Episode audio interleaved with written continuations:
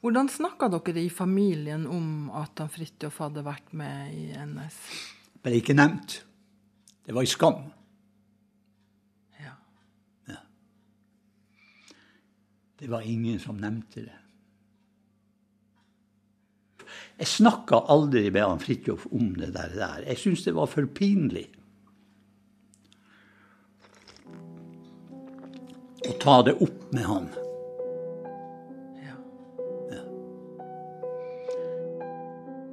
Pappa var 13 år da onkelen hans, Fridtjof, meldte seg inn i Nasjonal Samling i Båtsfjord. Dørene lukkes. I høst dro jeg til Riksarkivet på Sognsvann for å lese dommen til Fridtjof. Jeg hadde sendt en e-post et par uker før. Nå er Landsvik-arkivet åpent, og alle kan dra og lese. Har man et navn og en fødselsdato. Man trenger ikke være i slekt. Du er interessert i all sånn grums i familien vår? Ja. Det er riktig. ja. Kan du ikke la det ligge, så vi fremstår som en ordentlig familie? Det der er meg som facetimer med broren min og kona hans. Vi snakker om hvorfor jeg ville dra til Riksarkivet og finne ut mer om Fridtjof. Han var jo med i NS, og han fikk jo en dom etter krigen, men han gjorde jo ikke noe mer. Det var den replikken igjen. Den hadde dukka opp i et familieselskap noen uker før. Slekta har alltid fortalt at Fridtjof ikke gjorde noe annet enn å være innmeldt i partiet. Pappa er ikke den typen, tenker jeg, som ville løyet om det hvis han hadde hatt en bevissthet om det. Nei, tror ikke jeg heller. Så Fridtjof meldte seg inn i NS. Og så er det forholdet mellom han og kona Anna. Fyr det ikke var noe tak i en arbeiderklassegutt som ikke ville jobbe, og som ville bare synge i kor. Og hun ei overklassejente som måtte jobbe. Det var noe rart med det. Spørsmålet om jeg kunne se mappa til Anna, la jeg med i e-posten for sikkerhets skyld. Ingen har noen gang nevnt noe om Anna og NS.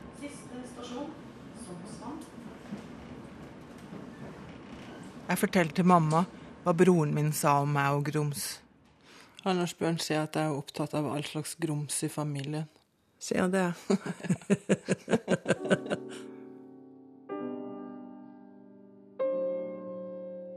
jeg vet ikke helt hva som er sant, og hva jeg har lagt til sjøl i det jeg tror jeg vet om Fridtjof og Anna.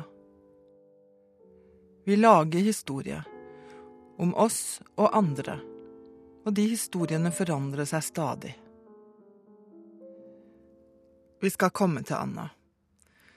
Vi skal komme til Fridtjof og Nasjonal Samling. Først skal vi en tur med Hurtigruta, fra Tromsø til Båtsfjord, der Fridtjof og Anna levde livene sine.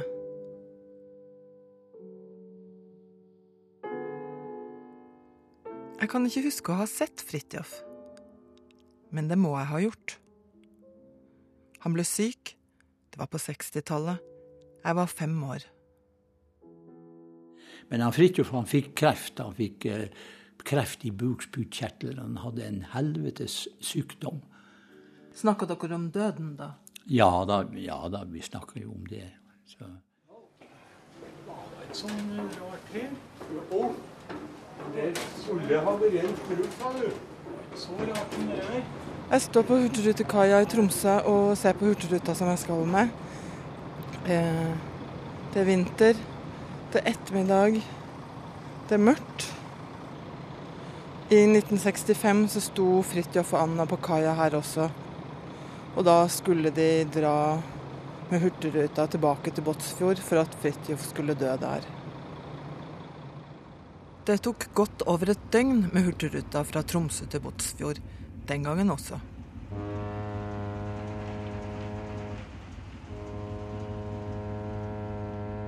Dagens hurtigrute er svær som et cruiseskip, med gullfarge på gelenderne. Det lukter ikke fisk på denne båten. Det var beskjed til den kinesiske resepsjonen. Fridtjof og min farfar Magnus var sønner i en søskenflokk på fem som ble forsørga av ei mor, en jordflekk og en far som var krøpling og skomaker. Som unge menn tok de to brødrene seg fra hjemstedet sitt i Troms oppover til fiskeværet Båtsfjord, der det var arbeid å få. Jeg sitter på lugaren. Jeg har sovet meg forbi eh, Øksfjord og Hammerfest og Havøysund, og nå kommer vi snart til Honningsvåg. Jeg kjenner meg en havdråpe nærmere onkel Fridtjof og farfar når jeg drikker kaffe fra termos og spist brød med hardkokt egg med godt smør og gulost på lugaren i stedet for frokostbuffé i restauranten. Jeg har kaffe på termos.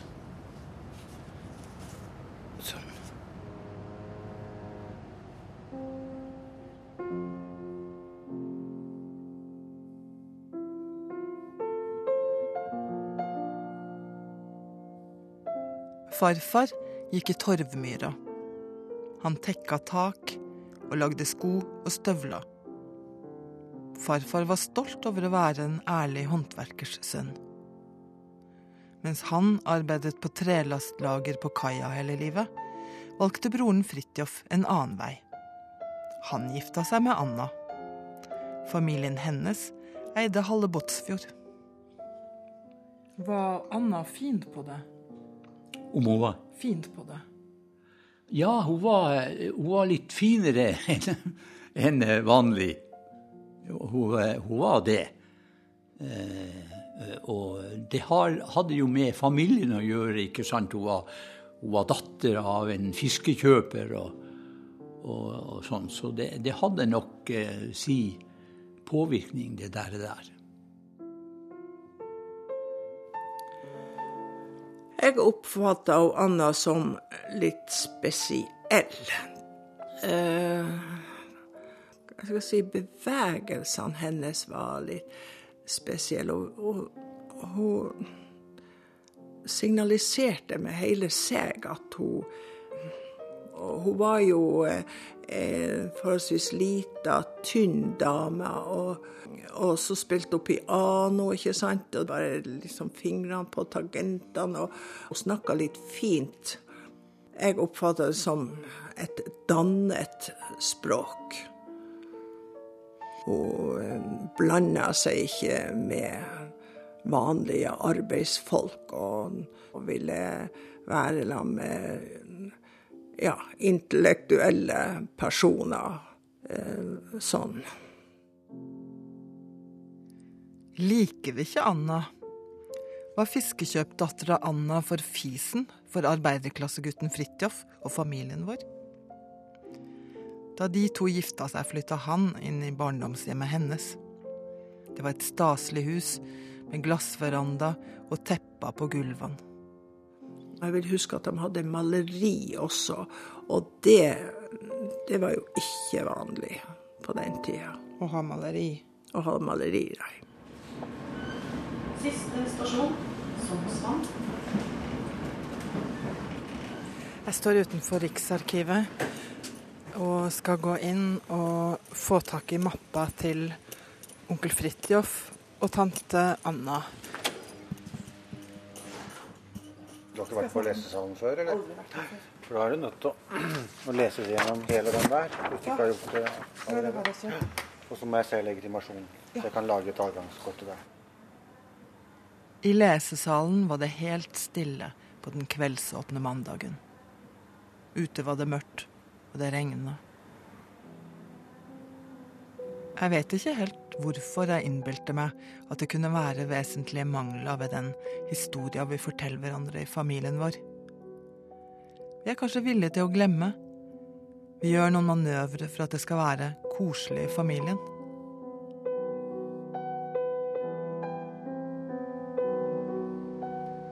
Båtsfjord ligger langs en fjord langt sør og øst for Nordkapp.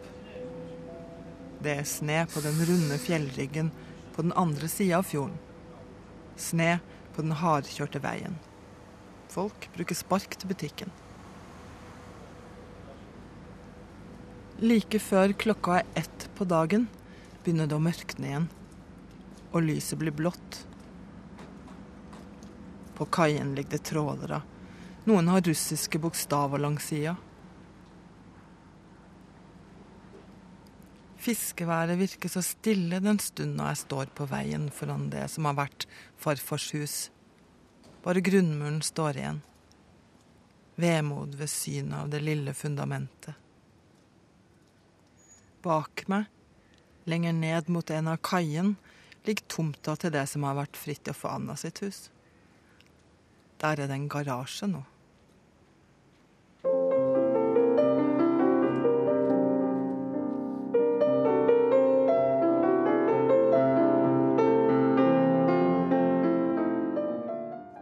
Fridtjof og Anna hadde musikken til felles. Fridtjof sang førstebass. Anna var pianist og spilte orgel i begravelse. Det var hun som forsørga dem. Hun var lærer. Fridtjof stelte hjemme. Eh, og det virka på meg som hun kanskje ikke syntes det var fint nok at han gikk på, på fiskebruket og arbeidet sånn. Eh, det her er bare noe som jeg har tenkt, eller kanskje vagt hørt om. Eller ville ikke Fridtjof ha et liv med hardt arbeide på kaie? Og så ga giftermålet med Anna han en mulighet til å spille piano og lese og synge bass. Det er mer. Det er alltid mer. De hadde et, et rollebytte, på en måte. For, for, det var han som Når vi var på besøk der, og det skulle serveres kaffe, og, sånn, så var det han som var på kjøkkenet og ordna og, og smurte rundstykker og ordna kaffe og dekte på bordet inne i stua. Og Anna hun satt sammen med oss der i stua og prata.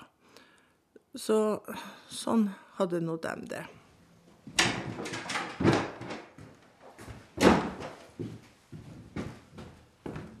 I Båtsfjord drikker jeg kaffe med gamle menn.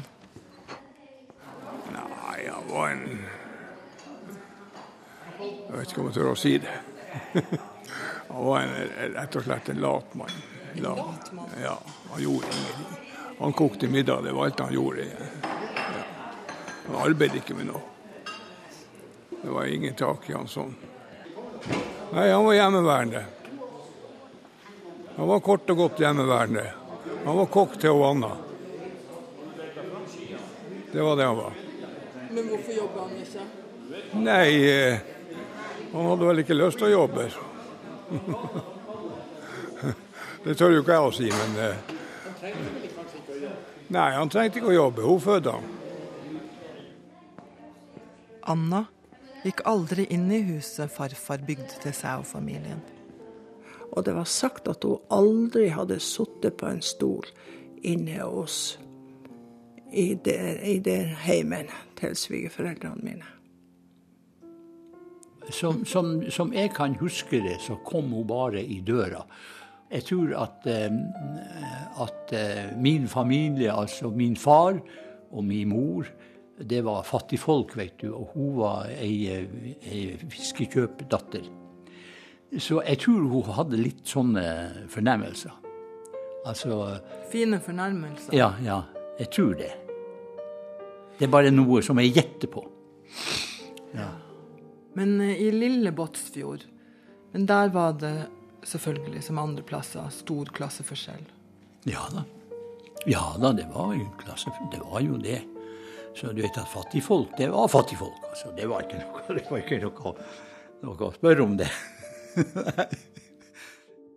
Hun var fru Isaksen. Det der er tante Anne Martha, pappas søster. Og de, de, de, var finere folk. Og mamma var fattig kvinnfolk. Men hun kunne vel plukke kaffe for det?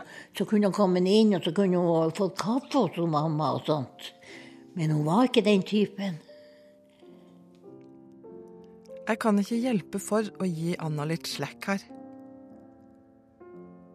Det kan jo hende hun ikke gikk inn i huset fordi hun ikke kom overens med farmor, forskjellig som de må ha vært. Eller kanskje Anna var nervøs? Eller kanskje bare hun lengta hjem til stuen sine, fulle av plysj og rot, stabla med bøker og noter. Leste hun Cora Sandel, som forlot Tromsø og dro til Paris? Hadde Anna drømmer om å spille piano andre plasser enn i fiskevær i Finnmark? Men jo, hun kunne da tatt seg en kopp kaffe likevel. Kan tenkes hun gjorde det, men at det var så sjelden, så historia likevel fikk det til at hun ikke gikk inn.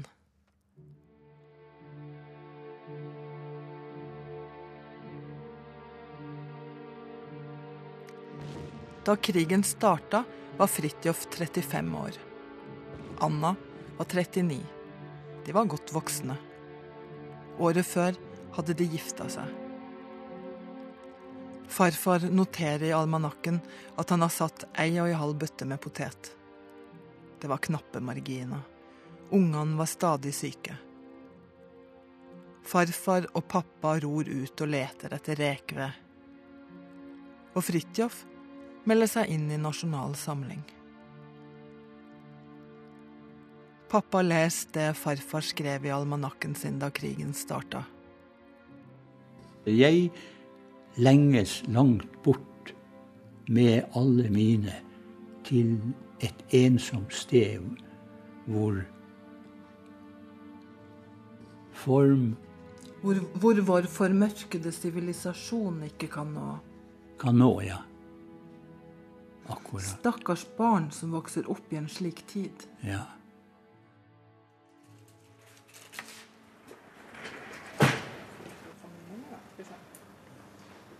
Inne på Riksarkivet var det tomt og stort og nesten ingen folk.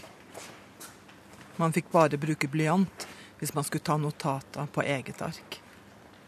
Jeg skjønner det. Folk kan klusse over ting de ikke liker.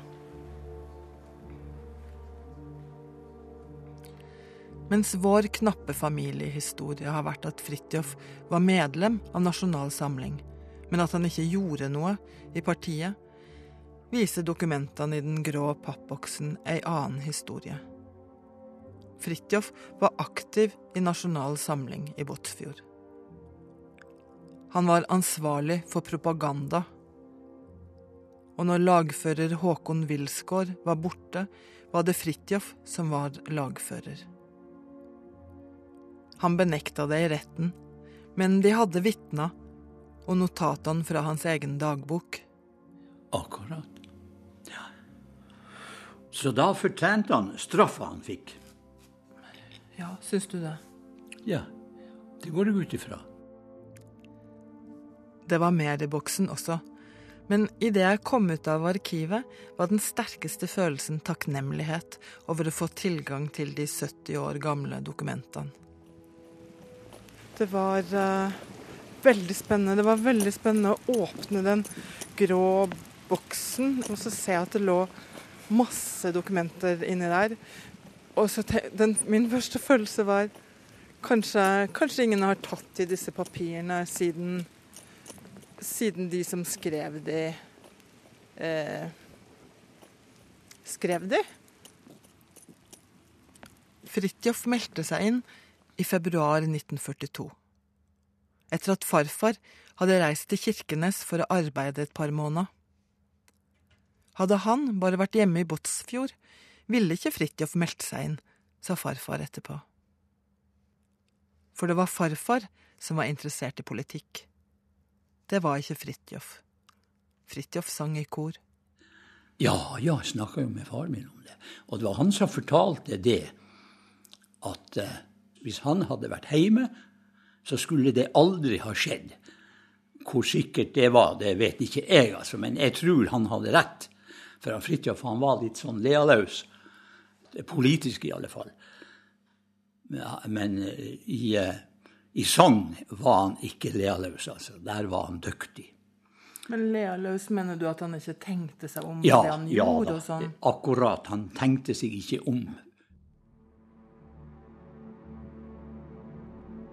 De tilhørte, og de tilhører, vårt germanske livssyn. Henrik Ibsen, Bjørnstjerne Bjørnson, Jonas Lie, Arne Garborg. De tok ikke bare atter og atter avstand fra alt det som engelsk og amerikansk var. Nei, de bekjente seg, endog som pangermanister. De sa tydelig fra om hvor Norges fremtid lå. Det der var Jonas Lie. Bare en måned etter at Fridtjof meldte seg inn, holdt han tale i Båtsfjord på det samme møtet som den kjente nazisten og politisjefen. Jeg syns det er vanskelig å tro på at Fridtjof ikke hadde nazistiske synspunkter. Fridtjof fikk en bot etter krigen, har slektninger sagt. Ingen har snakka om fengsel. Den vage mistanken om at familiehistoria om Fridtjof har vesentlige mangler. En e-post og en T-banetur seinere vet jeg at Fridtjofs dom sa seks måneder i fengsel.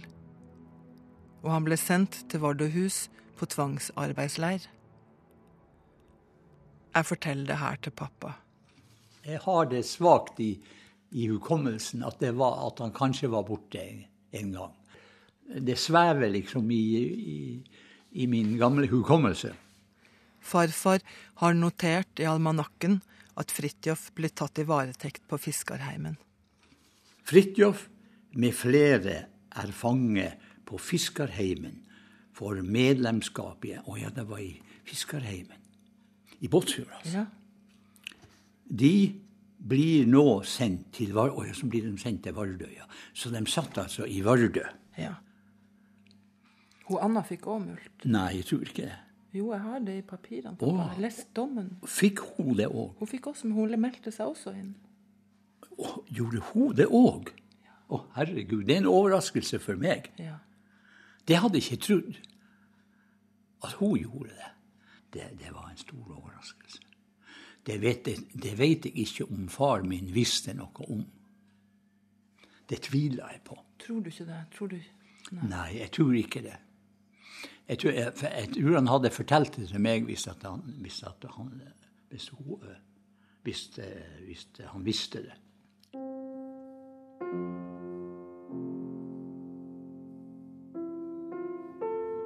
Det står så lite om motiver i dokumentene på Riksarkivet. Det er ingen avskrift av hva vitna har sagt. Fridtjof prøver å vri seg unna med at han så gjerne ville ha radio som det står. Og han sa at det var viktig at det var et mellomledd mellom tyskerne og de sivile.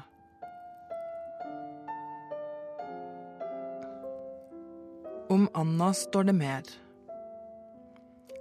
Den eneste ungen til Fridtjof og Anna dør under fødselen.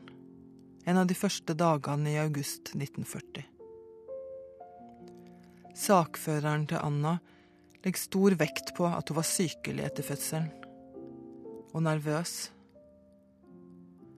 Like etter at Anna meldte seg inn i NS, kom hun hjem til et av vitnene og var forvirra og ville gå på sjøen. Det var ei stor sorg for han at de mista den gutten. Fridtjof snekra kista til barnet sitt sjøl. Ja. Ja. Vel. Ja, det måtte jo være en hård tørn. Å lage kiste til sin egen unge. Og så tok han kista med barnet, det døde barnet, på skuldra og bar den 1,5 km til kirkegården og begravde sitt eget barn der.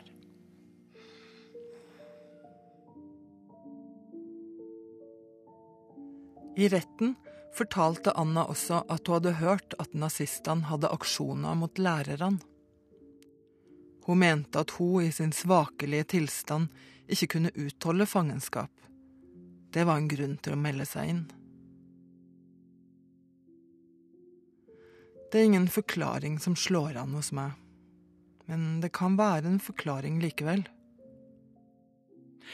Og jeg kan fortelle hvorfor han meldte seg inn i NS. Etter å ha snakka lenge med pappa på bånd, skvetter litt til når han plutselig byr på sin forklaring. Tyskerne okkuperte jo husrom til sine folk, og spesielt til offiserene. Hos Fridtjof og Anna hun var meget dyktig til å spille piano. Han Fridtjof var en meget dyktig sanger. Så eh, der var de der to. Når eh, de der tyskerne kom, det var jo offiserer, så var det iallfall én av dem som spilte piano. Og det er klart, pianoet sto der. Så tysken kunne jo bare gå og sette seg og spille. og selvfølgelig så, så var hun Anna Fridtjof interessert. Hun Anna snakka jo, hun hadde jo eh, utdannelse, hun, så hun snakka jo også tysk.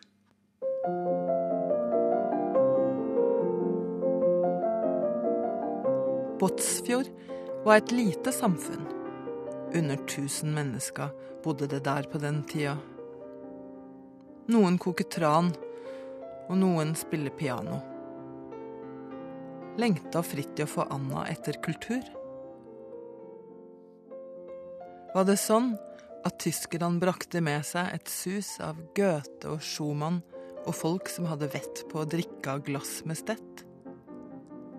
Ville Fridtjof og Anna omgås folk fra kontinentet som ikke var hverdagslige og lukta tran? Det står ikke noe om det i rettspapirene i boksen på Sognsvann. Men det står at Fridtjof og Anna ikke ville betale bøtene sine.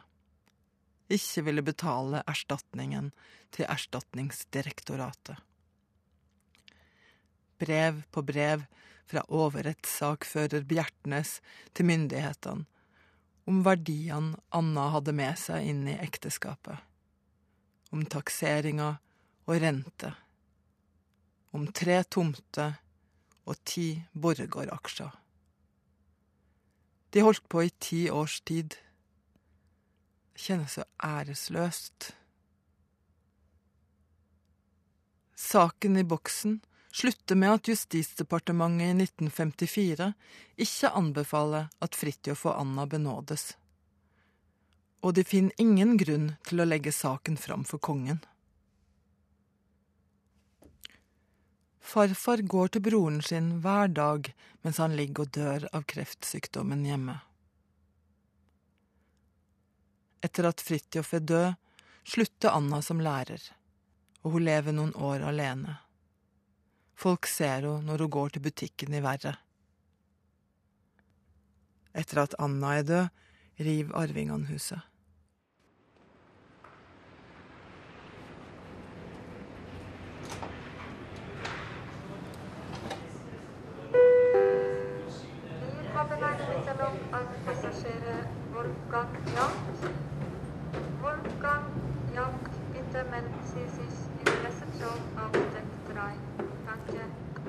Jeg reiser tilbake fra Båtsfjord til Kirkenes med Hurtigruta. Mens jeg sitter ved det lille skrivebordet i lugaren, får jeg e-post fra historielaget i Båtsfjord. Annas farmor hadde mentale problemer. Som dødsårsak står det sinnssykdom i kirkeboka. Annas far henger seg da Anna er 20 år. Han blir begravd utenfor kirkegården. Men to år etter kommer folk på andre tanker og flytter han innafor. Stakkars Anna. Hun var skvetten og tok lett til tårene.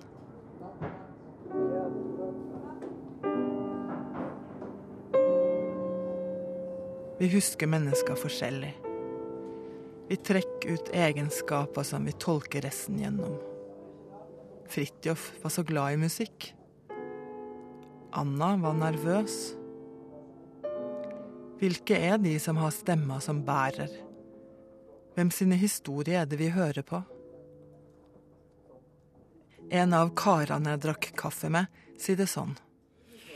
Det spørs hvor godt du liker en person. Man, liker man ikke en person så godt, så trekker man vel ikke så mye ifra, men det kan man jo gjøre med en god venn. Det, det er vel sånn vi er. Ja. Om ikke direkte bevisst, så er vi det ubevisst. Ja. Vi beskytter de som står oss nær ofte? Ja, vil, det er vel en, en, mekanisme vi har innbygd i alle. Det vil jeg tro. Da, uten at, nå snakker jeg jo bare for hvordan jeg tenker. Ja. Det er ikke så vanskelig for meg å se på Fridtjof og Anna i et forsonlig lys. Det er ikke meg som levde under krigen. Det var ikke meg som fikk skam. Vi gjør feil, vi som lever. De som har vært døde ei stund, gikk ikke fri, de heller.